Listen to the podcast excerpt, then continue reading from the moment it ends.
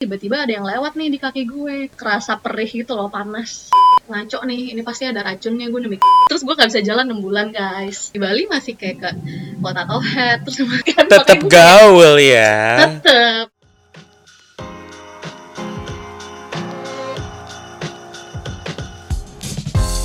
Hi, you're listening to Get Real with Ryan, a podcast that inspires people to show the real side of them with the purpose of sharing valuable knowledge and also learning from each other's life experiences as a lesson and a process to us. My name is Ryan, and let's get real.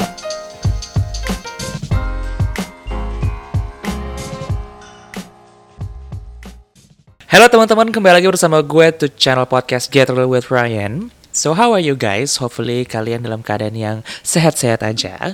Nah, kali ini udah hari Jumat lagi, jadi gue akan kembali membahas sebuah topik agak ngadi-ngadi tapi menarik. Jadi kita akan ngomongin soal traveling kali ini. Nah, kalau kita ngomongin soal traveling, ini tuh sekarang udah bukan sesuatu yang mewah lagi ya. Kayak semua orang tuh udah bisa banget yang namanya traveling gitu. Mau itu kayak piknik doang di taman, mengunjungi tempat-tempat hidden gem, tempat-tempat eksotis, atau memang kalau misalnya kita punya rezeki lebih ya kita keliling dunia lah ya gitu. Melalui traveling ini kita juga bisa melihat beragam keanekaragaman budaya, kemudian lo juga bisa mencobain berbagai jenis kuliner, pengalaman yang beda-beda juga, sama tentunya untuk belajar mengetahui diri sendiri. Tapi, apa jadinya kalau misalkan ternyata traveling kayak itu gone wrong guys? Di mana dalam perjalanan tersebut terjadi hal-hal yang malang, hal-hal yang ngadi-ngadi gitu kan, yang nggak kepikiran gitu loh. Contohnya misalkan kayak tiba-tiba lo sakit, terus kayak dompet lo hilang,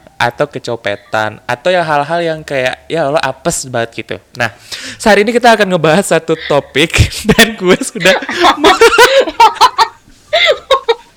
gue udah ketawa-ketawa aja nih nanti gue akan ngundang satu teman gue yang akan bercerita tentang pengalaman dia yang travel gone wrong ini. Coba mohon maaf, oh, siapa anda? udah ngakak-ngakak aja Gue tuh udah denger lo tuh bahkan dari detik keberapa gitu gue yang kayak wah ini gue harus tahan. Iya, halo guys. Jadi gue Dalila, teman barunya Rian. Mau kenal nih. Mohon maaf nih. Iya mohon maaf nih. Terus tiba-tiba jadi ya udah jadi narasumber Rian gitu. Asik. itu kan eh, persuasi saya ya. Persuasi betul. Nah, jadi sebelum kita masuk ke topiknya ya, gue mau ngebacain sedikit fakta mengenai Dalila nih. Yang pertama, dia ini anak terakhir dari empat bersaudara, anak bontot ya. Tapi yang Oh. paling independen dan nggak dimanja. Ini gue suka nih, karena gue juga anak bontot. Asik. Yang kedua, gue suka banget foto dari SMP. Emang gak jago-jago banget sih, tapi karena suka, jadinya gue suka aja. Itu gue salah nulis sih. ya kan? Gue salah nulis. gue baca juga kayak, apaan nih hantu? Gak jelas di perempuan satu. Sebenarnya gue tuh juga sekarang kayak freelance freelance gitu. Jadi kayak karena suka, jadi kayak feel it banget gitu. Nyeni ya, nyeni anaknya. Nyeni anaknya, bener. Oke, langsung Bun ke topik utamanya nih. Apa Oke. yang dialami Anda? Jadi gue ini deh sebelum cerita panjang nih ya. Hmm. Pokoknya gue waktu itu lagi liburan di Sumba dan gue kecelakaan. Terus gue gak bisa jalan 6 bulan guys. Itu lama banget, lumayan stressful sih gue tuh 6 bulan gak bisa jalan. Nah, kecelakaan nih kecelakaan apa nih? Jadi waktu itu tuh gue lagi liburan di Sumba. Jadi emang gue sama teman-teman gue tuh sering bikin planning gitu lah, mau Mm-mm. liburan ke mana tiap tahun. Nah itu tahun 2018 Hmm. gue liburan ke Sumba Hmm. ikut tour. Jadi udah di planning lah kayak hari keberapa ke mana ke mana ke mana. Nah hari pertama dan kedua itu gue memang di Sumba Timur. Eh, pokoknya hari pertama gue nyampe sana eh, cuman di hotel doang. Hmm. Karena memang kan eh, gue nyampenya sore gitu. Jadi eh, itu waktu lah. aja ya, Bun. Hmm, chilling-chilling aja gitu di hotel. Nah, jadi memang kegiatan tuh baru mulai di hari kedua. Nah, ya udah tuh hari kedua yang bener-bener ngadi-ngadi dah. baru hari kedua coba lu bayangin gue punya empat hari tiga malam, tapi tuh hari kedua gue udah mulai ngadi-ngadi aja tuh. Gue lupa Hmm. deh lima hari apa empat hari gitu. Pokoknya around segitu lah ya.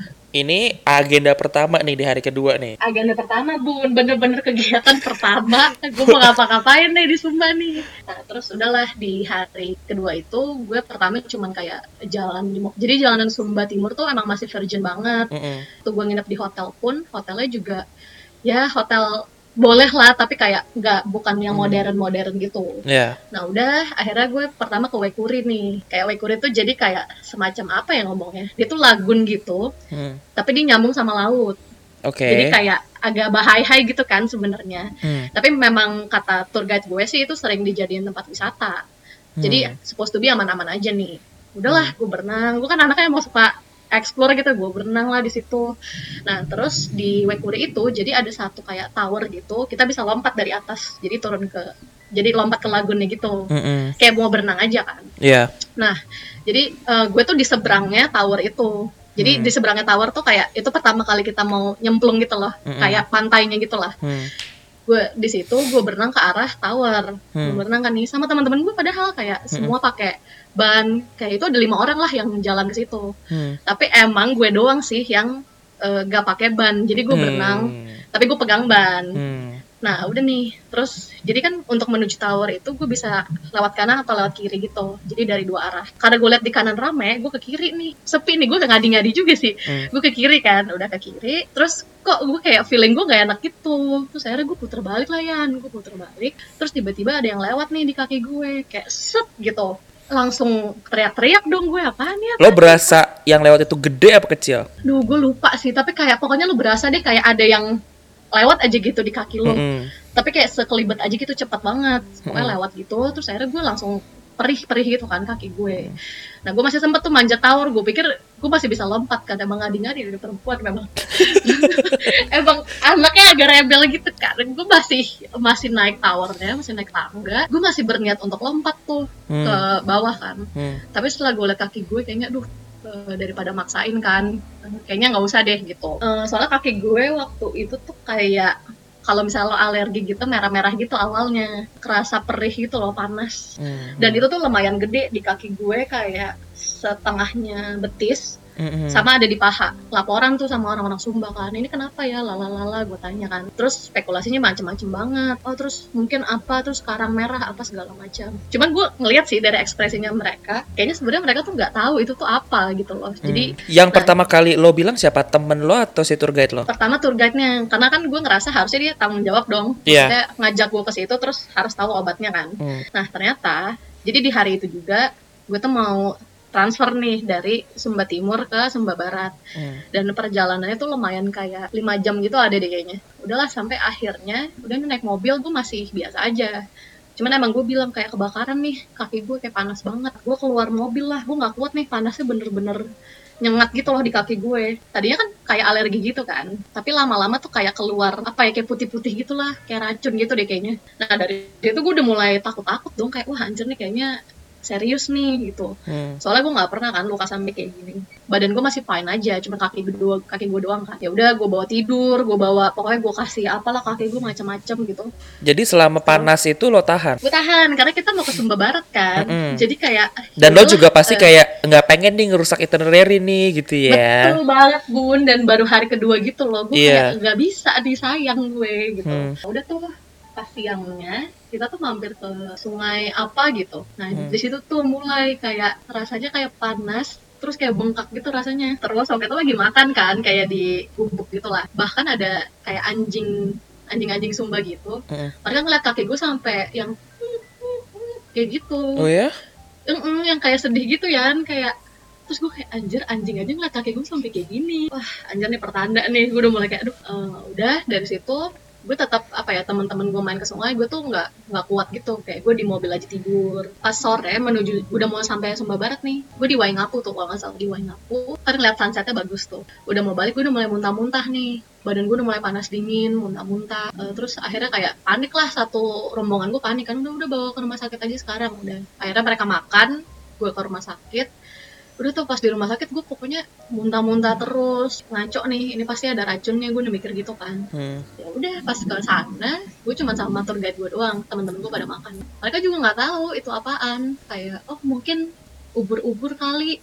Oh mungkin karena lukanya kayak luka bakar gitu kan. Mm-mm. jadi spe- spekulasinya banyak banget. Udah gue dikasih kayak disuntik gitu. Mungkin kayak itu buat penangkal rancut kali ya gue nggak paham Hmm. sih. Gue disuntik kayak dua kali gitu habis itu kaki gue kayak dikasih apa ya dia kayak gel gitu tapi dingin banget jadinya enak tuh di kaki gue kayak mulai adem Hmm. nah terus eh, udah deh pas besok pas gue balik ke hotel teman-teman gue kayak nggak apa-apa kan lalalala terus kayak gue bilang iya nggak apa-apa kok. Eh, ini udah enakan. Gue bilang gitu. Gue udah nggak muntah-muntah lagi. Terus ya udah teman-teman gue juga oh ya udah yang penting lo udah enakan. Gini gini gini gini. Udah nih. Nah kita skip aja langsung ya ke hari ketiga keempat gitu. Mm-mm. ketiga keempat gue masih tetap ikut main ikut trekking emang ngaco sih gue Jadi Ngaco. jadi walaupun lo sakit kaki lo begitu tapi intinya lo bener-bener full semua travel lo ikutin. betul. Betul. Dan gue juga mikirnya ah ya udahlah. Yang penting badan gue tuh masih fit fit aja Iya. udah tuh akhirnya ketiga keempat gue masih ikut hari berarti lima hari tuh hari kelima udah nih gue mulai pas terakhir mau pulang gue ngerasa kaki gue tuh makin bengkak gitu ya udah gue laporan ke teman-teman gue kaki gue bengkak terus lukanya makin aneh bentuknya hitam-hitam gitu deh pokoknya Hmm. terus udahlah hari itu baru gue telepon bonyok gue gue fotoin terus langsung lah dimarahin dong gue kayak lagian bukannya pulang lalalala." ya wajar lah orang tua kan Mm-mm. tapi tahu nggak gue masih sempat itu kan gue transit ke Bali kan jadi gue masih di Bali masih kayak ke kota Tauhead terus parah kan Tetap gaul ya. tetep tapi gue pakai ini pakai kursi roda waktu itu Oh, bahkan pakai kursi roda tetap ke potato head. pakai kursi roda ngapain nih orang sakit Iya. nih gitu Uh-uh. kan udah gue pulang ke Jakarta ya bukan cukup gue nangis lah ya kayak kenapa kakinya kayak gini nih Iya. gini, gini. Gede bengkaknya tuh kayak kayak kaki gajah gitu maksudnya. kayak kaki gajah mm-mm. apa ya kayak badan gue atasnya kecil tapi bawahnya gede aja gitu kaki kanan gue kan yang kena kanan nih ya udah akhirnya besoknya gue masuk rumah sakit jadi pas gue masuk rumah sakit itu tuh sampai ada empat dokter gue lupa Hmm. lah ada dokter kulit dokter saraf Ini rumah sakit dokter- A lah ya kita sebut saja. rumah sakit A betul ya ini rumah sakit A pokoknya ada empat dokter nih Hmm. jadi mereka ngecek ya kondisi gue kan terus dokter yang lain skip skip skip aman lah gitu nah tinggal dokter kulit doang Hmm.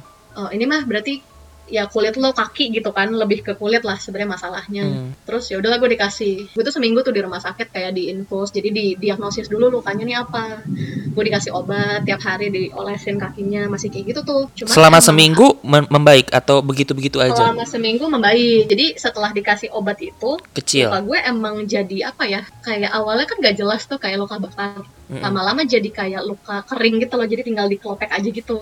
Emang kata dokternya ya udah kan mereka meminimalisir sebenarnya operasi juga kan karena kalau bisa diobatin luar ya luar dulu Hmm. Eh, karena mereka juga nggak tahu nih takutnya salah kan salah langkah nih tiba-tiba Hmm. kaki gue diapain salah seminggu kemudian udah better tuh terus gue kayak ih asik nih udah udah bisa nih udah bisa santai nih gue Hmm. gue pulang ke rumah cuman kayak cuman gue nggak berkegiatan juga sih paling cuman di tempat tidur doang terus pakai kerk juga masih bisa jalan tuh pakai kerk gue Hmm.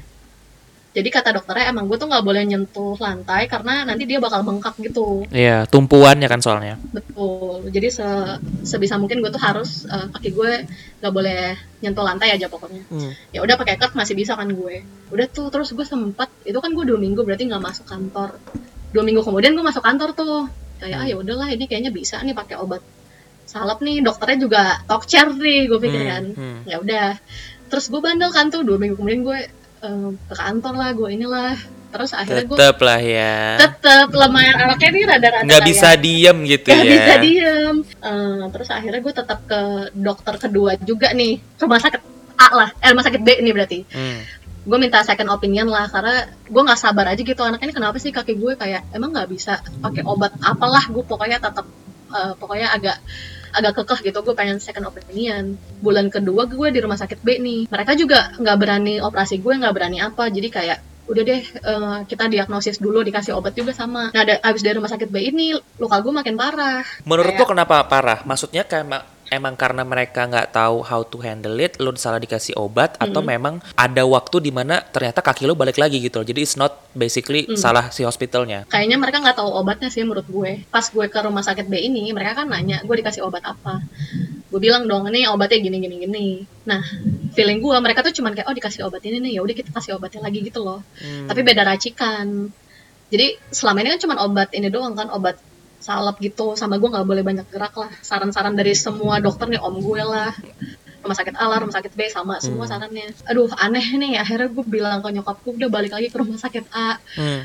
terus ya udah pas balik ke rumah sakit A dokternya kayak eh waktu itu dokter lihat kamu di sensi ya udah jam udah bisa jalan Wow, ngakak kan? Jujur, eh, dokternya lumayan up to date ya anaknya ya. Up to date. iya gaul dia masih muda gitu soalnya. Terus kayak eh iya dong iya sih ke sensi tapi bentar. Ya gue gak ngalasan lah. Hmm. daripada gue dimarahin kan. Hmm. gue ngalasan lah ya iya bentar doang. Kok sama bunda sama ayah? Gue bilang gitu. Padahal emang gue sama teman-teman gue soalnya gue takut marah eh takut dia ngamuk gitu kan Hmm. udah pas dia cek lukanya gue juga nggak bilang gue ke rumah sakit B takutnya Hmm. kan jadi apa ya kayak nggak percaya gitu lah sama mereka kan Mm-mm. terus akhirnya dia langsung kayak nggak bisa ini nih harus dioperasi jadi luka gue tuh udah nanah gitu sekarang bentuknya Hmm. kalau kemarin kayak luka kering tinggal dikelopek gitu kan Mm-mm. nah kalau sekarang tuh jadi kayak busuk terus nanah gitu Mhm.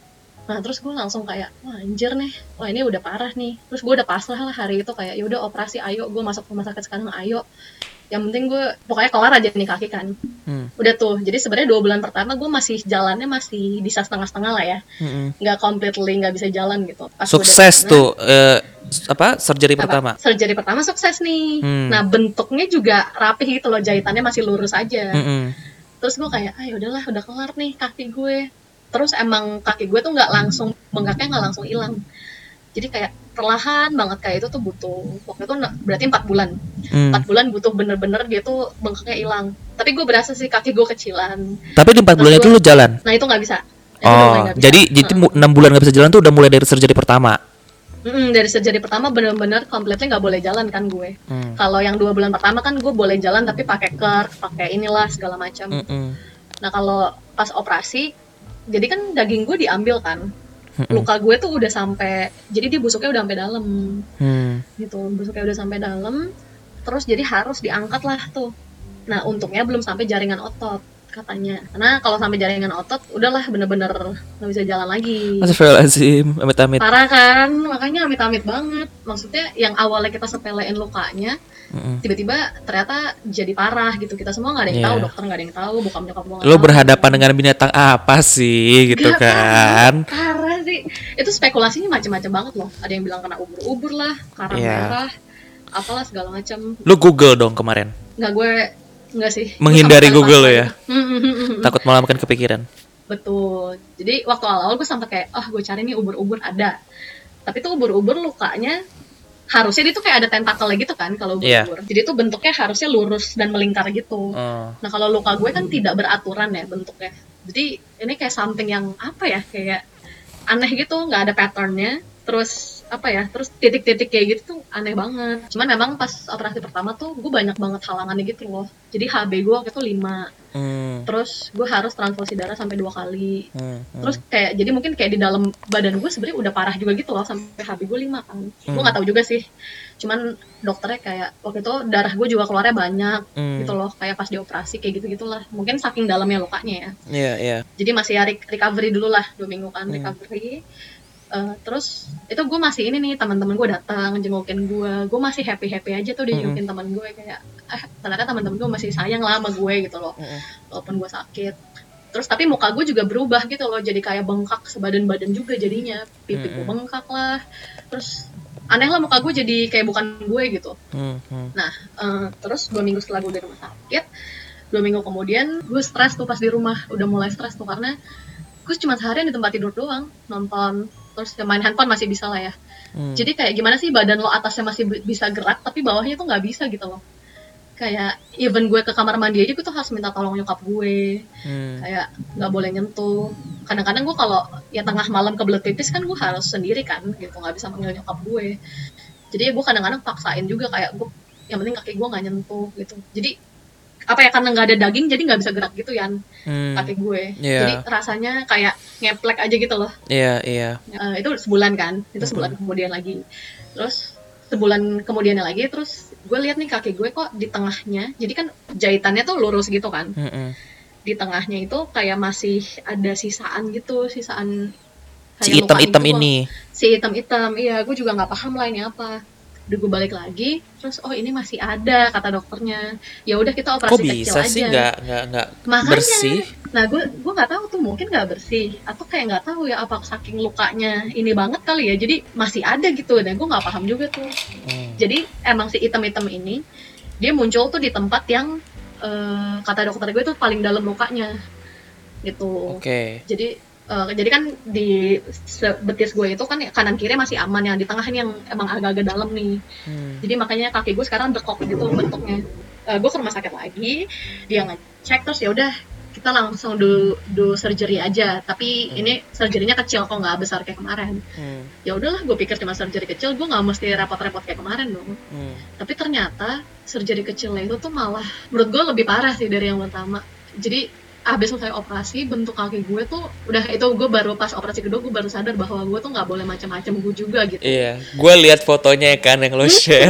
Aduh, Dal itu jahitannya kenapa bisa kayak kan? gitu sih? Gue bingung anjing. karena itu kan jadi eh, apa sih yang si hitam-hitam itu tuh cuman ada di tengah doang pas jahitan gue dibuka yang atas sama bawah udah kering tinggal yang tengah jadi terus pas dibuka jahitannya bentuknya bulat kan Mm-mm. si lukanya. Nah jadi pas kata dokternya dia ngejahit kayak itu tuh nggak bisa lurus karena bentuknya bulat. Jadi harus kayak diketengahin gitu loh lu paham gak sih?